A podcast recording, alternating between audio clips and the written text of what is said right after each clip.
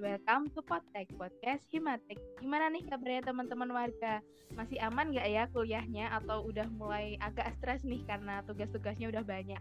Apalagi buat uh, angkatan 2020 sama angkatan 2021 yang ini masih dalam tahap transisi nih antara kuliah online sama kuliah offline. Kalau angkatan 2019 kan 2019 kan udah pernah ya uh, kuliah offline sebelumnya. Nah, angkatan 2020 sama 2021 gimana nih? Udah mulai beradaptasi atau masih agak-agak kagok dan bingung nih transisi antara kuliah online sama kuliah offline-nya? Nah, di episode kali ini beda dari episode yang lain ya teman-teman. Soalnya di episode kali ini Potek mau ngebahas topik spesial barengan sama teman-teman Kominfo. Nah, sebenarnya nih uh, lebih ke curcol ya mungkin antara anak Kominfo. Uh, kita nih udah kedatangan dua narasumber spesial, ada Kepala Departemen Kominfo, ada Mbak Nadifa sama ada Yuda.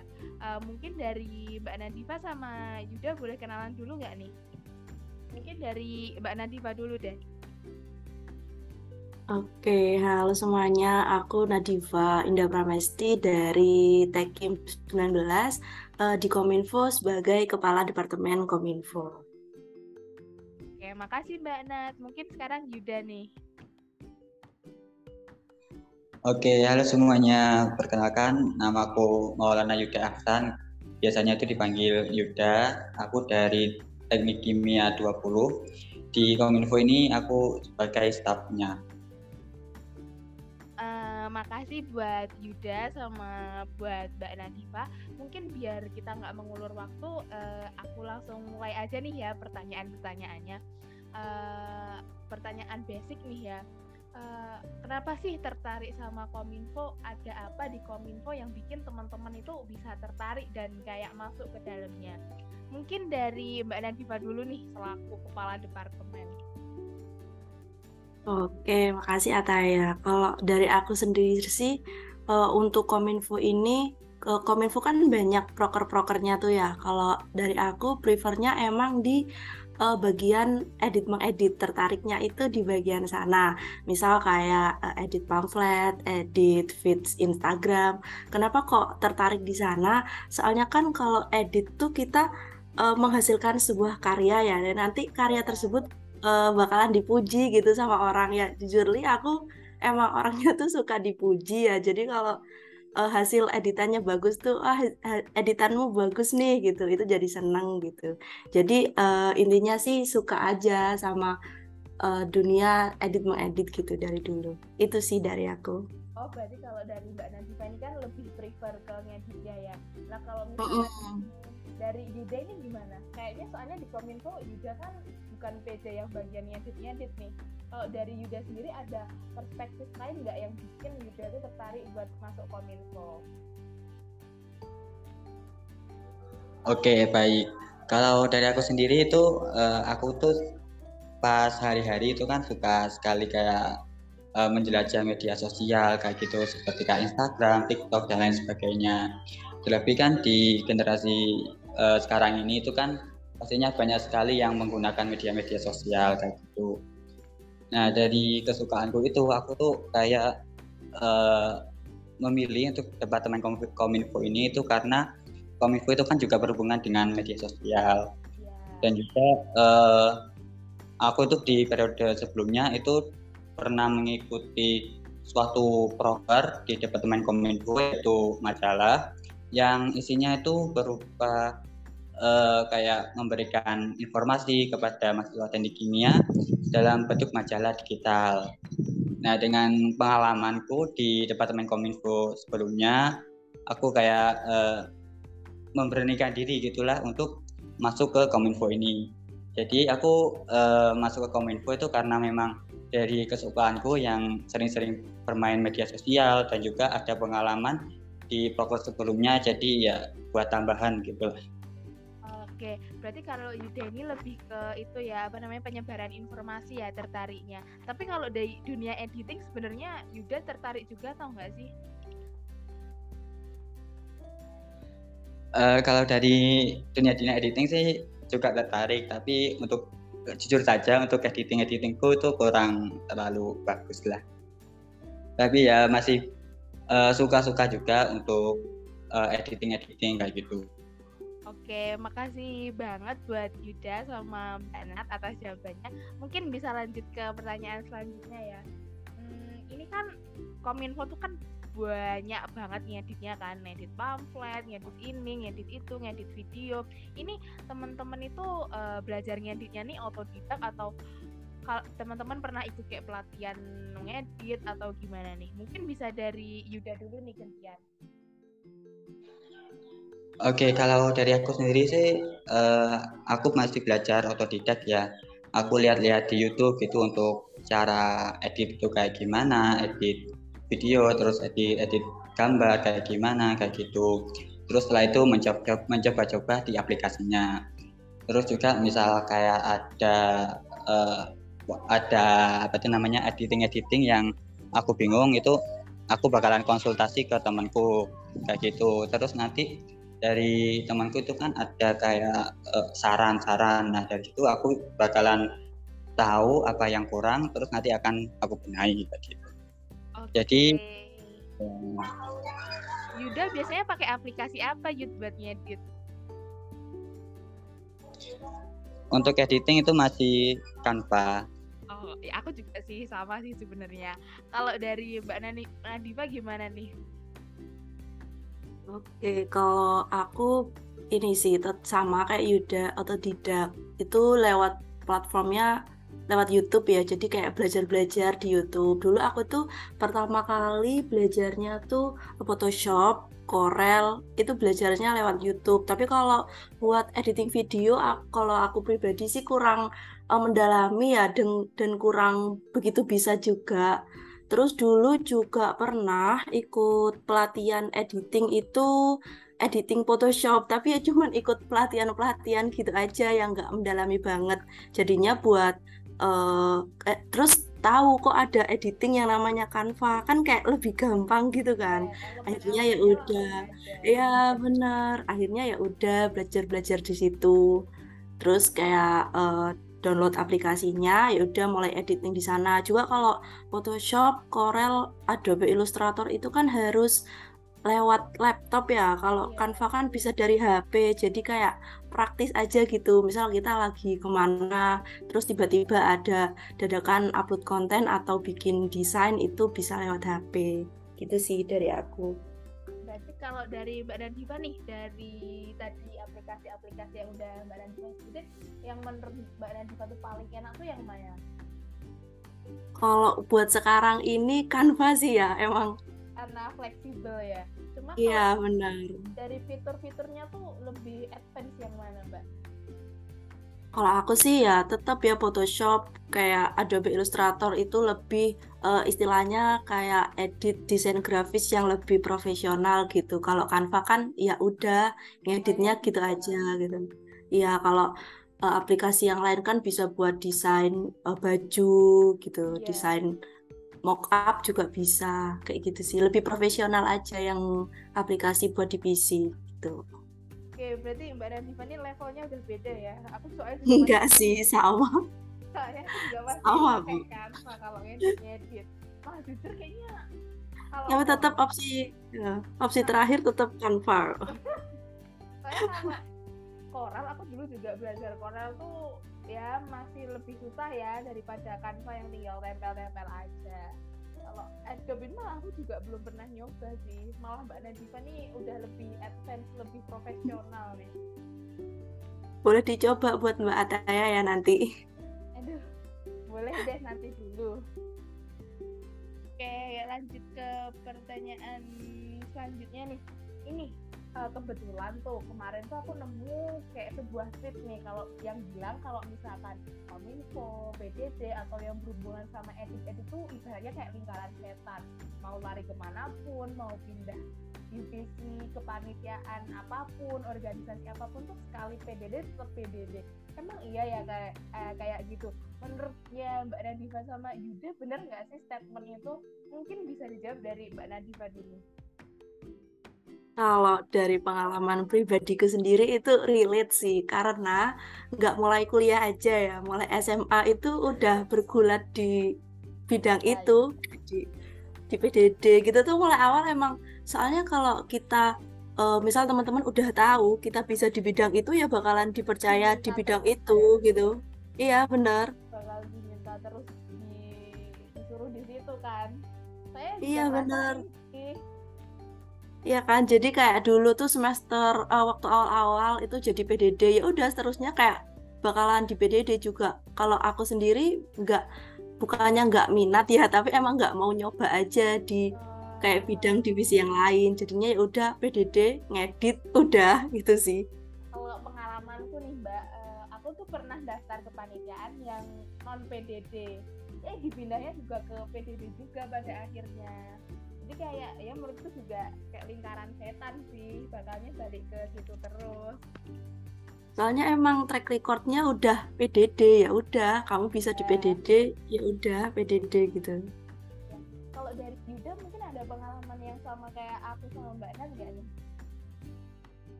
Oh, Oke okay, baik. Kalau dari uh, aku sendiri sih uh, untuk dari di pengalaman di divisi PDD itu kurang ya. Apalagi terlebih pas juga mulai awal-awal ikut kepanitiaan aku juga kayak menghindar untuk ke divisi PDD karena memang uh, aku tuh kayak kurang terlalu bagus buat desain-desainnya. Namun setelah um, mencoba untuk masuk ke masuk ke kominfo aku juga sudah mulai mencoba untuk edit akhirnya juga berujung ke PDD yaitu di kepanitiaan open talk gitu. Namun buat teman yang tentang sekali masuk ke PDD selamanya akan ke PDD terus itu menurutku uh, benar tapi enggak enggak kayak gitu. Kenapa? Karena kan uh, semuanya itu kan juga tergantung dari kita kayak gitu. Kalau memang kita tuh kayak basicnya terus kayak suka hobi-hobinya skillnya itu di bidang editing itu pastinya uh, juga bakalan dipercayai di PDD kayak gitu. Namun kan kita kan juga kayak ada uh, ke apa ya namanya ya, kayak keinginan mungkin mau pindah ke divisi lain kayak gitu itu kan juga bisa. Um, makasih nih Yuda udah mau share pengalamannya ya.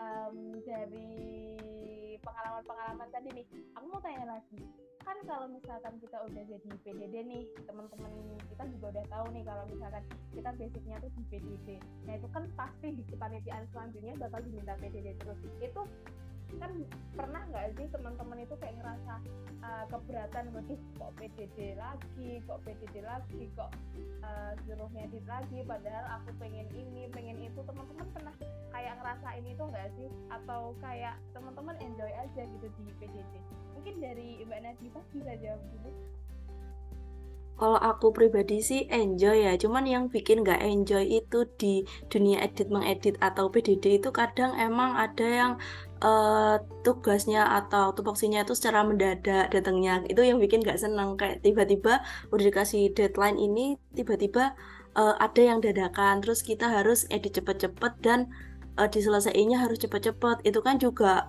mikir ini editannya kayak gimana ya kurang gimana ya. Dan kalau terburu-buru itu biasanya kan hasilnya menurut kita itu kayak kurang memuaskan gitu. Ya jadinya yang bikin nggak enjoy itu ya gitu tiba-tiba ada tugas yang mendadak.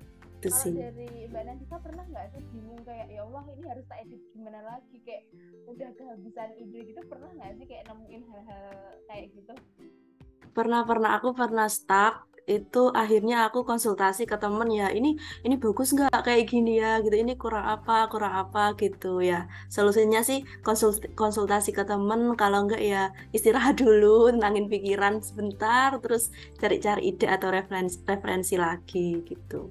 Oke. Kalau dari juga gimana Yud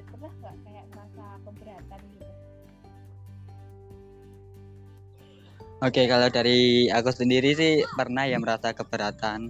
Terlebih uh, seperti yang aku bilangin tadi untuk skill editingku itu kayak kurang. Meskipun aku itu juga suka edit edit tapi ya kurang lah menurutku.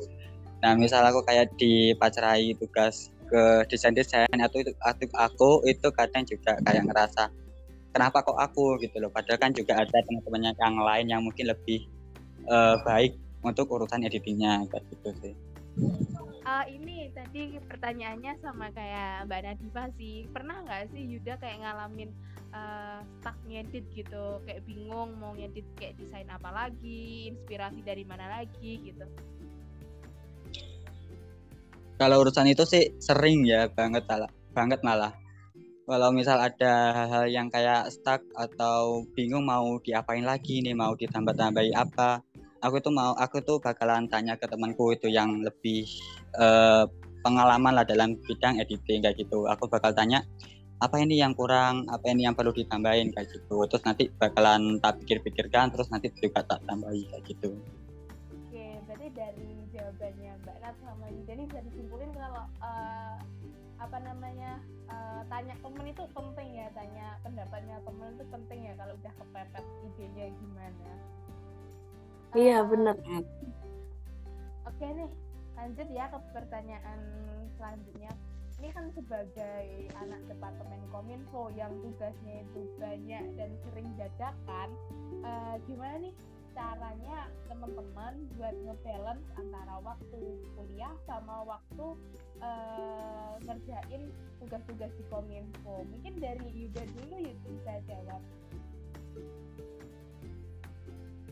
Oh oke, okay. kalau dari aku sendiri ya, aku bakalan pertama-tama aku bakalan kayak misahin dulu apa saja sih tugas-tugas uh, di departemen kominfo sama tugas-tugas sebagai mahasiswa kayak gitu. Terus setelah itu uh, setelah aku bakal misahin, aku juga bakalan lihat mana yang lebih urgent, mana yang lebih uh, untuk deadline-nya itu lebih cepat, kayak mana, yang mana kayak gitu. Nah misal untuk yang lebih urgent dan juga deadline-nya itu lebih cepat, aku bakalan ngerjain yang terlebih dahulu yang itu kayak gitu. Terus misal kayak uh, deadline-nya terus kayak aku ajinya itu juga kurang itu bakalan aku kerjain di waktu aku kelam gitu sih. Oke kalau misalkan dari Mbak Nadifa gimana nih uh, cara ngebalance waktunya?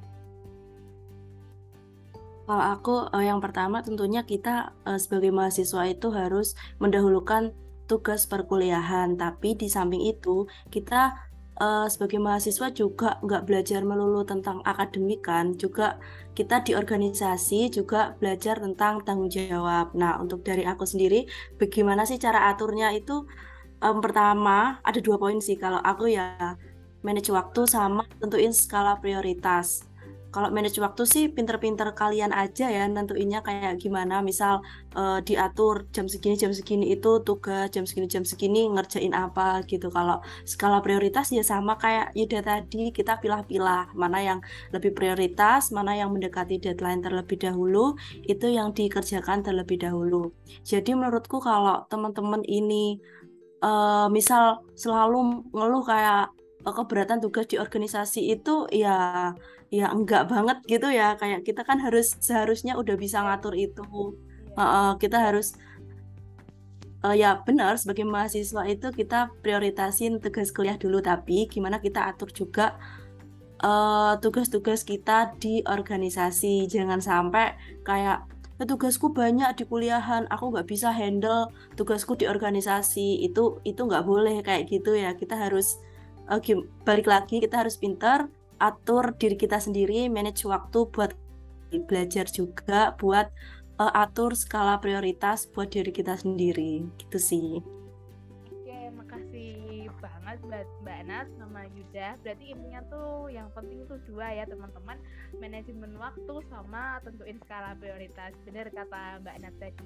Ini masuk ke pertanyaan terakhir ya teman-teman uh, boleh nggak nih sebutin suka duganya uh, jadi anak kominfo? Mungkin dari Yuda dulu nih bisa jawab. Patungannya itu kayak hambel-hambel semua kayak gitu. Terus juga uh, misal ada kayak bantuan-bantuan uh, yang perlu diminta tolongi kayak gitu itu mereka tuh kayak sedia membantu gitu. Terus juga minta disaran minta saran-saran terkait ini itu itu mereka juga uh, bersedia gitu. Terlebih kepada Mbak Mbak Nadifa itu ya selaku kadepnya itu yang sangat loyal sangat apa itu uh, peduli kepada anggota-anggotanya kayak gitu.